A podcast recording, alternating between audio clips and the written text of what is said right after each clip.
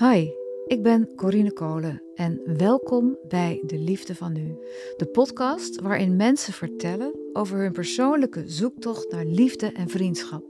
Ik wil heel graag het nieuwe seizoen starten met het bijzondere gesprek dat ik had met Erik, een man die al zijn leven lang in een rolstoel zit. Hij vertelt over hoe het is om in zo'n situatie je seksualiteit te ontdekken. Wat doe je met die verlangens in een wereld waarin seks en intimiteit eigenlijk alleen weggelegd lijken voor ja, andere mensen? Nu, op zijn vijftigste, beginnen dingen voor het eerst op hun plek te vallen. En dat heeft heel veel te maken met de intieme relatie die hij sinds een paar jaar heeft met Lisette, een sekswerker. Dit is de liefde van nu.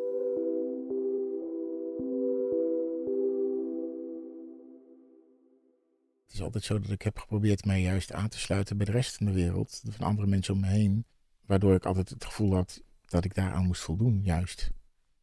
En pas de laatste tijd ben ik bezig met het zijn wie ik ben, namelijk iemand met een beperking, wat inhoudt dat ik dat gewoon mag doen en laten op deze manier zoals ik ben. Wat bedoel je met die laatste zin? Ik zeg altijd, ik ben niet mijn beperking, maar mijn beperking maakt wel wie ik ben. Uh, en dat is ook het eerste dat mensen zien en daar reageren ze ook op. Terwijl, um, uh, maar het reageren van mensen, dat is eigenlijk wat bepaalt hoe mijn leven in elkaar zit. Niet hoe ik er zelf over denk. Ja. Maar kun je iets vertellen over um, je, je ontwikkeling, je seksuele ontwikkeling en je, de, de ontwikkeling van, van je gevoel van intimiteit? Ja. Ik heb eens een keer een meisje hier gehad en die, die zat in de rolstoel. Ze was een jaar 25. Mm -hmm. En die zei van ja, ik vind het nou zo vervelend. Het eerste wat mensen vragen ja. als je op Tinder zit en je zit op in een rolstool, vragen ze hoe zit dat dan met seks? Hoe doe je dat dan? Snap, jij, uh, snap jij dat zij zich daar boos over maakte? Ik snap dat ze zich daar bo boos over maakte. Wat mij opvalt, in ieder geval is mij persoonlijk, is dat mij die vraag juist helemaal niet gesteld wordt. Omdat men er eigenlijk al vanuit gaat dat je, uh, als je een beperking hebt, dat je dus aseksueel bent of weinig seks hebt of intimiteit. Dus alles wat ik daarover heb geleerd en gevoeld heb, in het begin was vooral wat ik leerde van televisie en dergelijke. Want ik ben iets ouder dus, 50. En ik merk gewoon ook dat het begin van mijn uh, leven daarin, dat er nog heel erg weinig bekend was over mensen met een beperking. Ik zat heel vaak in een um, revalidatiecentrum, dus ver van huis. Tot mijn 16 levensjaar heb ik inderdaad aan de andere kant van Nederland gewoond. En daarna, toen ik terugkwam uh, in het ouderlijk huis, uh, zat ik in een omgeving waar ik de enige persoon was met een beperking. dus ik kon ook niemand anders vragen hoe die dat deden. en dat wat ik leerde over intimiteit en identiteit was dus wat ik om me heen zag. En ik probeerde dat te spiegelen. Kun je vertellen wat je zag op die televisie? Uh, op televisie zag ik heel weinig. Dat, daar zaten geen mensen met een beperking in. Dus, um, en eigenlijk ook om je heen in de wereld zag je ze bijna niet. Ze waren bijna nergens zichtbaar.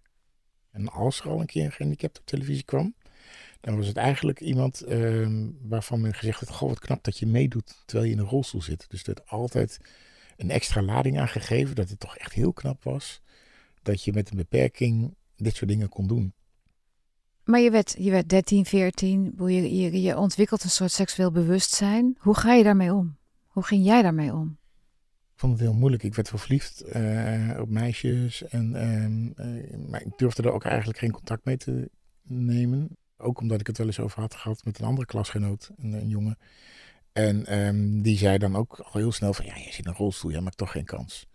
Dus, um, dat, en dat geloof je dan heel snel. Uh, en, en ja, het klinkt heel dubbel, want iedereen is bang om afgewezen te worden. Maar ik, ik, ik, ik, zou het heel jammer vinden als ik afgewezen word op iets waar ik geen controle over heb. Namelijk over het hebben van een beperking. Um, Gebeurt dat? Uh, ja, dat uh, gebeurt dat. Dat is een goede vraag. Want ik laat het heel vaak niet zo ver komen. Omdat dat heel kwetsbaar wordt. En dat ik dat een hele enge vraag vind om te stellen. Omdat ik inderdaad misschien wel bang ben dat dat antwoord komt mijn seksuele ontwikkeling is ook vrij laat begonnen daardoor, omdat ik het dus heel lang heb uitgesteld. En eigenlijk pas toen ik uh, 25 was of zo, denk ik, uh, was ik ondertussen verhuisd naar Arnhem. En daar woonde ik redelijk in de buurt van het Spijkerkwartier. Dat was uh, wat we hier in Amsterdam zeg maar de Wallen noemen. Um, en mijn seksuele ontdekking is daar begonnen eigenlijk door nou ja, naar de prostituees daar te gaan. was je 25? De sekswerkers. Ja, toen was ik 25, ja. En toen woonde ik op mezelf. Toen, durfde ik daar, toen ging daar, kon ik daar stiekem zelf heen rijden. Kun je herinneren wanneer dat de eerste keer was? Um, daar, daar de allereerste keer dat ik heen ben gereden, vond ik dat heel eng. En um, merkte ik ook dat ik daar zelfs heel moeilijk vond om daar mensen aan te kijken en aan te spreken. Maar ik merkte ook dat de dames die daar zaten achter de ramen ook niet heel veel ervaring hadden met mensen met een beperking. Want ik werd ook heel vaak ook niet aangekeken of dat mensen op mij reageerden daar. Dus dat vond ik eigenlijk al heel moeilijk. Tot ik op een gegeven moment een wat oudere dame tegenkwam op straat. En die zei eigenlijk, ach jongen, wil je soms graag met mij mee? En dat vond ik zo'n um, confrontatie dat ik heel hard ben weggereden. en het heeft ook echt wel weer een tijdje geduurd voordat ik een nieuwe poging heb uh, ondernomen. Want ik maar... heb het echt even van me afgezet. Ja. Wanneer was die nieuwe poging?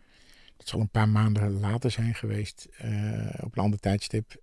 Toen um, had ik een wat kleiner straatje gevonden en daar reed ik achterlangs. En daar zat een, een, een, jonge dame. Ik denk dat ze er ook nog niet zo heel lang zat, had ik het idee. Daar kon ik eigenlijk direct contact mee krijgen. Daar kon ik al meteen gaan een klein gesprekje mee aanknopen. En dat was eigenlijk wel heel fijn, want daardoor had ik zoiets van, nou ja, bij jou durf ik wel naar binnen te rijden. Was zij de eerste die je aanraakte? Ik heb natuurlijk ik, ik heb een lichamelijke beperking. Uh, dat betekent dat ik heel veel verzorging heb. Dus ik heb heel veel mensen die mij aanraken. En dat maakt het ingewikkeld van wanneer uh, ga je over van uh, een handeling die gaat over verzorging naar intimiteit. En ik denk dat die grens heel lang voor mij onduidelijk is geweest. Ik denk dat zij de eerste is die die grens is overgegaan. En dat ik me daar ook heel bewust zeg maar, mee bezig heb gehouden. Over nu wil ik ook een keer een grens overgaan. Het ging ook heel snel. Het is, eh, eh, het is vaak is het een half uurtje als je al uh, de tijd neemt, zeg maar. En dat betekent voor mij ook, ik moet eerst naar binnen toe. Ik moet op dat bed zien te komen. Ik kan niet staan, dus ik moet mezelf daar opschuiven dan nog aan en uitkleden. Dus ik was eigenlijk heel erg bezig met vooral die handelingen. Dat er eigenlijk heel weinig tijd overbleef voor de intimiteit. Maar dat was, was, was het vooral het contact van één op één met een, met een vrouw die, die, die interesse voor je had? Was dat belangrijker op dat moment dan het seksuele handeling?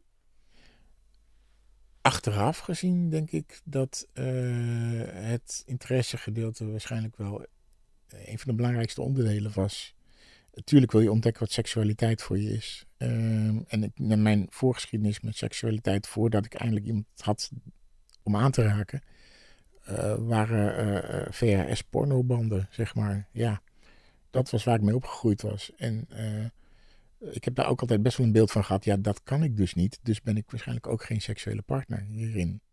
Ik heb me tot die tijd ook helemaal niet geprofileerd of ook geïdentificeerd als een seksueel iemand. En eigenlijk ook na die handeling nog niet. Want het, het, was heel erg gericht op, op dat contact, zeg maar. En nog steeds had ik niet het idee dat ik echt een seksuele handeling had verricht. Behalve dan dat er natuurlijk een ontlading was gekomen. En, maar ik had niet volgens het boekje, zeg maar, seks gehad. En was dat dan ook dat je dacht van, oh wow, maar uh, dit is nu inderdaad de allereerste stap. Waar gaat de, gaan al deze stappen naartoe? Had je het idee, ik ga nu iets groots ontdekken? Of dacht je, Oké, dit is het. Dit is al mooi genoeg. Nou ja, op dat moment was ik daar super blij mee met wat ik al gehad had. En ik was helemaal nog niet bezig met wat er in de toekomst kwam. Um, maar ik moet ook wel toegeven, ik, ik vond het ook heel moeilijk. Uh, het ging om, uh, om een sekswerker. En, en, en, en, dat was voor mij in die tijd ook zeker ook toegeven dat ik het dus blijkbaar niet op een andere manier kon vinden. Daar heb ik ook echt wel ervaringen gehad die echt om het geld gingen. Wat ik heel goed snap natuurlijk als het een dienst is. Maar uh, dat betekende ook dat ik dus daar soms helemaal niet prettig bij voelde. En, en dus ook niet die intimiteit vond die ik eigenlijk zocht. En dan kwam ik thuis en dan was ik juist het tegenovergestelde. En dan voelde ik me heel erg tegen een grens aanlopen. Zo van oké, zelfs dit lukt dan niet of zo. Ja, een beetje in, in die, op die manier. Verdrietig? Ja, ook wel verdrietig dan. Ja, ja. Maar jij praatte met niemand over seks? In die periode niet, nee. Nee, ik vond het heel moeilijk om toe te geven dat ik daar dus blijkbaar niet zelfstandig een manier in kon vinden om dat te doen. En ik heb in die tijd wel, ik ging natuurlijk wel uit. Ik was jong, dus ik ging de stad in. Maar ik heb eigenlijk nooit echt een goede. Uh, ik was ook niet goed in versieren. Ik, maar daarvoor vond ik mezelf niet leuk genoeg. Toen was je 25, nu ben je 50. Is dat nog steeds zo of is dat veranderd? Heb je, ben je nog steeds afhankelijk van de sekswerkers? Of, of heb je een relatie intussen? Ik, ja, ik, eh, ik heb een vorm van een relatie uh, met een sekswerker. Ik heb de tussen, tussenvariant, zeg maar, gevonden daarin. Ehm, Hoe heet ze, deze vrouw, waar je nu contact mee hebt en, en die het midden houdt tussen een sekswerker en een relatie? Is wel een interessante constructie. ja, nou ja het, het, ehm, ja, het gaat over Lisette. En Lisette is een sekswerker die ik heb leren kennen vier jaar geleden ongeveer. Toen ik eigenlijk erachter kwam dat het voor mij steeds moeilijker werd om buiten de deur naar sekswerkers te gaan. Ik woonde ondertussen in Amsterdam. Was van een keer de wel, wal opgegaan, maar dat werd ook allemaal steeds lastiger, ontoegankelijk. Uh, dus ik kwam op het punt dat ik uh, dacht, misschien is het toch slim om iemand thuis uit te nodigen. Want ik heb al mijn voorzieningen thuis. Uh, alleen dat was voor mij dan ook wel meteen toegeven. want ik heb het altijd gescheiden gehouden. Zolang het buiten de deur was, hoefde ik het er niet over te hebben. En als het bij mij thuis was, dan werd het heel persoonlijk. En het tweede gedeelte, ik vond het ook wel spannend om een onbekend iemand in je huis uit te nodigen op zo'n kwetsbaar moment. Uiteindelijk heb ik er een mailtje gestuurd en uh, daar kreeg ik een hele fijne, mooie reactie op terug. En, uh, Wat schreef ze? Wat schreef jij? Boah, dan zou ik hem er echt weer bij moeten pakken. Maar ik, ik, ik omschreef me dat ik een man was met een beperking en mijn leeftijd. En dat ik een zoektocht had gehouden. En dat ik op zoek was naar iemand die me uh, ja, nou, op zoek naar intimiteit. En daar kreeg ik een hele mooie reactie op. Met zo'n, nou ja, jammer dat je zo lang hebt moeten zoeken. maar ik, ik, kom graag langs en zoiets. Wat dacht je toen je dat las? Ik vond het een hele fijne reactie. En ik, ik, ik merkte wel meteen dat ik dus wel dacht, oh hier durf ik wel meteen op in te gaan. Daar hoefde ik niet meer over te twijfelen. En dat vond ik een hele fijn gevoel.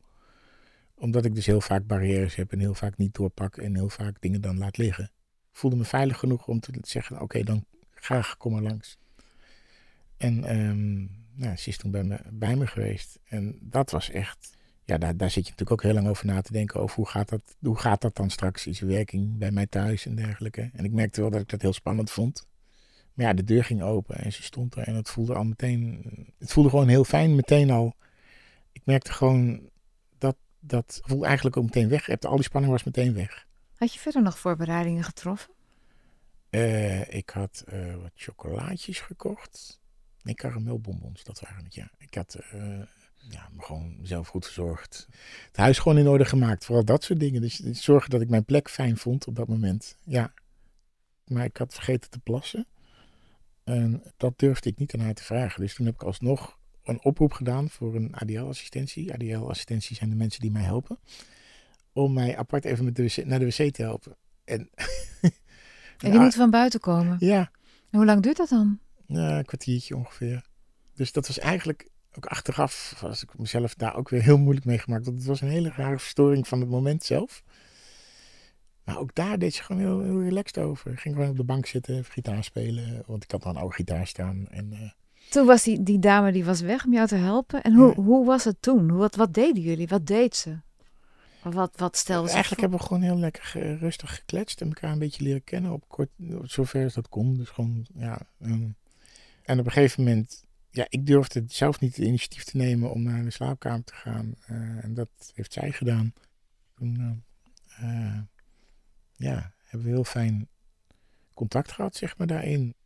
Nog steeds dacht ik van, ik heb nu nog steeds geen seks gehad, zeg maar, daarin. Echt, want we hebben wel heel fijn uh, met elkaar gelegen. Wat bedoel je, voelde... ik heb nog steeds geen seks gehad? Tot nee, sorry, ik, ik, bedoelde eigenlijk uh, dat ik nog steeds bezig was met dat sekspenetratie was. Dus ik had nog steeds geen ander kader dan dat. Dus je was 47? 46. 46? Ja. ja. En je had nog steeds het idee dat seks alleen maar telde als je alleen maar seks gehad had als je penetratie had gehad. Um, ik denk dat ik iets verder was in die tijd dan, dan, dan puur dat. Maar wat het dan precies inhield, dat wist ik eigenlijk ook niet. Dus ik was wel op zoek naar steeds naar de standaard manier van seks hebben. Dus inderdaad penetratie. Maar wat ik heel belangrijk vond, is dat ik bij haar dus niet het gevoel had dat ik het gemist had. Dat bedoel ik eigenlijk. Dus het was, na, nadat we op die manier bij elkaar hadden gelegen, voelde het heel compleet. Als een hele date, als een hele fijne beleving, waarin ik niet het gevoel had iets niet gedaan te hebben. Terwijl ik dat daarvoor altijd wel op die manier had ervaren. Ben je verliefd op haar geworden? Uh, ja. ja. En uh, sindsdien, dat is vier jaar geleden, ja. hoe vaak zie je haar? Nou, ik probeer één keer in de twee maanden. Uh, dat lukt de ene keer wel, de andere keer niet. Waar hangt dat vanaf? Tijd, financiën, die twee dingen vooral. Eh, Is zij ook verliefd op jou? Ehm, ik weet dat ze gevoelens heeft voor mij. Ik, weet, ik, ik vind het heel moeilijk om het woord verliefd. Hebben jullie het daar wel eens over? We hebben het wel eens over gehad. Eh, zij noemt het zeker wel dat ze ook een soort verliefd is op mij. Maar ik vind dat heel moeilijk om in te schatten wanneer. Ja. Ik denk dat ik anders verliefd op haar ben dan zij op mij. Laat ik het dan zo zeggen. Hoe ben jij verliefd op haar dan? Nou ja, voor mij is zij degene met wie ik nu intimiteit voel en heb. En eh, voor haar, zij heeft er een leven omheen. Ze heeft een partner, ze heeft andere mensen. Ze heeft, eh, ik ben niet de enige eh, eh, met wie ze deze vorm van eh, relatie heeft, zeg maar. Dus voor mijn kant denk ik dat ik heel veel op haar richt daarin. Terwijl zij dat veel meer kan verdelen.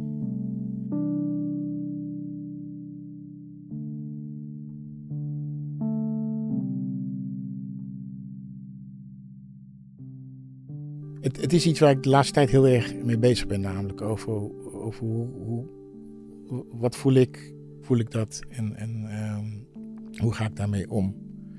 En omdat ik dus heel lang van andere mensen geen liefde heb gevoeld, heb ik ook de- gemerkt dat ik dus blijkbaar de neiging heb om, om alle liefde die ik dan heb op één persoon te projecteren. Ben je jaloers? Eh, Ja, tuurlijk ben ik jaloers. Maar ik vind het niet erg om jaloers te zijn. Mijn jaloezie zit hem eh, er vooral in dat ik denk: oh ja, ik had dit ook graag eh, met je willen doen. Maar het is niet zo dat ik denk: waarom doe je dat met hem of met haar? Want ik, ik merk ook dat ze daar heel erg van geniet. En van het feit dat ze geniet, geniet ik weer. dus het is ook iets moois om jaloers te zijn op deze manier. Dat klinkt raar, hè? Nee, klinkt helemaal niet raar. Klinkt mooi. ja. Maar als je verliefd bent, dan, als je echt verliefd bent op iemand, dan denk je de hele dag aan iemand. Ik heb die dagen. Alleen, het is ook een groeiproces. Hè? Het is, ehm, in het begin was dat, ben ik een tijdje echt, echt heel erg verliefd op haar geweest. Toen ehm, ben ik eh, ook na gaan denken over eh, ja, hoe vaak we elkaar zien en hoeveel ruimte er nog is. En ik geloof ook echt in het concept dat je niet één iemand in je leven hebt met wie je alles deelt. En eh, ik merk dat bij mezelf ook, dat ik echt wel ruimte heb om van meer mensen te houden. Ehm, Want je probeert wel nog contact met andere mensen te leggen. Zeker, ja. andere nee. vrouwen. Ja, zeker weten. Ben ik, ik ben, merk dus nu ik ervoor open sta, dat ik stiekem best wel vaak verliefd ben. Alleen vroeger wilde ik dat niet zien, dat ik verliefd was. Omdat ik dat eng vond en kwetsbaar. En dat is iets wat ik nu ook van haar heb geleerd. Is dus je wel openstellen, ook voor, voor wat er nog meer gebeurt. Je zegt, ik heb heel veel geleerd van, van Lisette en Ja. dat, hoor ik. Ben je niet bang dat ze op een dag eh, niet meer komt? Ehm, Want het blijft uiteindelijk ja, een, ik ga even kijken. Ja, een zakelijke afspraak. klopt. Zonder de zakelijke transactie zouden wij inderdaad geen, zouden we elkaar niet zien. Eigenlijk niet zo vaak zien. Het is, het is onderdeel van de relatie. Zonder, zonder dat gedeelte is de relatie er niet. En ik ben er niet bang voor dat het een keer ophoudt. Ik denk dat het eh, een, een, normale gang van zaken is dat het een keer ophoudt. Ik weet alleen niet wanneer en ik weet niet hoe. En ik ben er niet mee bezig, want als ik daarmee bezig ben in mijn hoofd, dan, dan voelt dat weer als, als, als bezig zijn met, met, met een eindigheid. En ik, ik denk wel, wat ik wel eens krijg van mensen om me heen, die vinden het heel moeilijk om, eh, om, om, het als een volwaardig iets te zien, omdat, omdat het feit, omdat het stukje betalen erbij zit. En, ik, en die snap ik ook wel, want als ik het van buitenaf zou horen, zou ik er misschien zelf op reageren. Eh, eh, het is ook in feite on- ondersteun ik haar in, in, in, haar, in haar leven door haar financieel te ondersteunen, zeg maar. Zo, kun je het ook zien. En ik denk dat, da- daarom maakt het dus voor mij niet zo heel veel uit. Ehm, Geeft die verhou- verhouding met haar jou een soort zekerheid, een soort zelfvertrouwen, waardoor je ook weer makkelijker naar anderen toestapt of Ja. andere vrouwen toestapt? ja, ja, zeker weten. Is, is, is dit, heeft zij mij daarin zeker geholpen om dus mijzelf te zien als iemand die leuk en aardig en interessant is. Dus daar waar ik vroeger mijn beperking eh, het enge gedeelte van mij vond, dus wat ik het liefst uit zou schakelen omdat ik dacht dat ik dan pas met mensen om kon gaan, zie ik mijn beperking nu als iets wat, waardoor ik soms connectie maak met mensen. Maar ik, ik eis het nu ook op. Eh, voor mijn werk werk ik nu bij een organisatie die opkomt voor mensen met een hulpvraag. Dus ik, ik praat met de gemeente over hoe maak je de stad toegankelijk. Maar nu zie ik ook in dat ik mag vragen aan, aan mensen om, om, om, om me heen om zich eens een keer aan mij aan te passen. In plaats van dat ik aan iedereen mij aan moet passen. En dat, zijn ook groeiprocessen die allemaal met zelfverzekerdheid te maken maar hebben. dat vind ik inderdaad een prachtig voorbeeld ook. Want dat betekent dat het gewoon een soort olievlek is die zich over alle gebieden van je leven uitspreidt. Ja, Het is niet alleen het seksuele en het flirten, maar het is ook het zelfvertrouwen wat je nu meer hebt. ja, en dat is het ook. Ik heb dus ook geleerd dat seks heel iets heel anders is dan wat ik vroeger dacht. Als wij een date met elkaar hebben, dan begint dat al op het moment dat je het afspreekt. Dan ga je namelijk al mee, bezig over eh, eh, voorbereiden, nadenken over eh, wat, je, wat je gaat doen, waar je naartoe gaat, wat gaan we eten. We koken, we koken heel veel samen, we eten heel veel samen. Dat je dan samen kunt eten en genieten tegelijkertijd van een bepaalde smaken. Daar maak je ook connectie mee met elkaar. Dat valt ook onder intimiteit. En, en, en de grens tussen seks en, en intimiteit vervaagt daar- daarmee steeds meer. En seks wordt intimiteit en intimiteit wordt seks. En die hele penetratie, ach, die heb je helemaal niet meer nodig, toch? Ehm, ik heb nu de rust en de tijd om met haar te ontdekken van wat is een fijne manier om dat ook te doen. En het is nu onderdeel geworden van een heel palet aan, aan, aan wat, wat seksualiteit is. Ja, heel af en toe eh, doen we dat ook, maar meer niet dan wel. Op het moment dat je een bepaalde connectie voelt en intimiteit, vind ik dat honderd keer belangrijker dan dat ik een bepaalde daad heb verricht.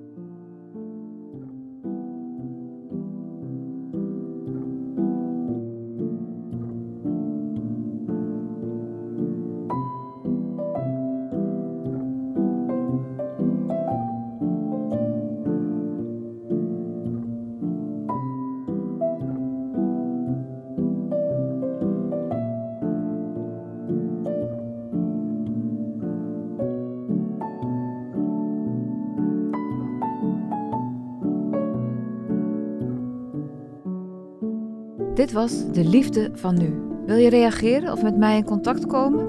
Mail dan naar deliefdevanu@volkskrant.nl. Mijn naam is Corine Kolen. Ik maak deze podcast samen met Mona de Brouwer, tevens editor. Eindredactie en coördinatie is van Corinne van Duin en de begin- en eindmuziek is gemaakt door Juriaan de Groot. Dank je voor het luisteren.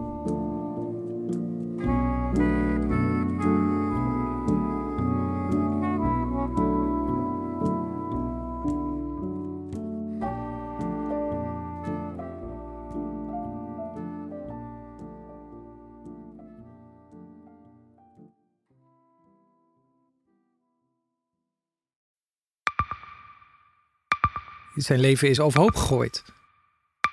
Plus dat heel veel mensen hem niet geloven. Vrienden niet, die, die denken, ja, hij is gewoon gek geworden. Hoe naar moet dat zijn? Als je vertelt over de meest indringende ervaring uit jouw leven en niemand gelooft dat je het echt hebt meegemaakt. Ja, ik vind zelf niet dat ik het verzonnen heb, maar sommige mensen denken dat wel. Maar hoe kom je erachter of jij het doelwit bent van een geheime dienst? Ik heb ook wel eens meegemaakt dat je het idee hebt dat inlichtingendiensten in je geïnteresseerd zijn. En dan kun je wel heel veel zien, wat er misschien helemaal niet is. Als ik s'avonds nog iets ging eten, dan volgden die mensen mij naar het restaurant. En dan terug van het restaurant naar het hotel. Als zij op een gegeven moment zei, kijk maar uit, want anders word je dadelijk nog ontvoerd ook. Shit, ik moet hier weg. Dat is, is niet goed. Nu word ik gevolgd. Een soort Truman Show is het gewoon. Hè? Alsof dat hele straatbeeld voor jou is ingericht. Maar dan wel met bedoeling jou, jou niet door te laten. Dit kan geen toeval zijn. Een nieuwe podcast van de Volkskrant. Mijn naam is Simone Eleveld en samen met Huid Modderkolk ontrafel ik een bizarre operatie van de geheime dienst. Wat het doel ook is, jij verliest het. Ik werd opgepakt, heel lang ondervraagd. Maar hoe krijg je grip in een wereld die zo onderzichtig is? Als je zou liegen, dan zou je niet de meest relevante informatie twee jaar later tussen neus en lippen doorvertellen. Er zal nooit iemand zeggen, oké Bart, ik geloof je. Nooit, nooit. Dit kan geen toeval zijn. Vanaf 3 oktober bij de Volkskrant. Ik weet niet of ik je ook alles kan vertellen. Het is echt te bizar. Wat? Ehm, ja,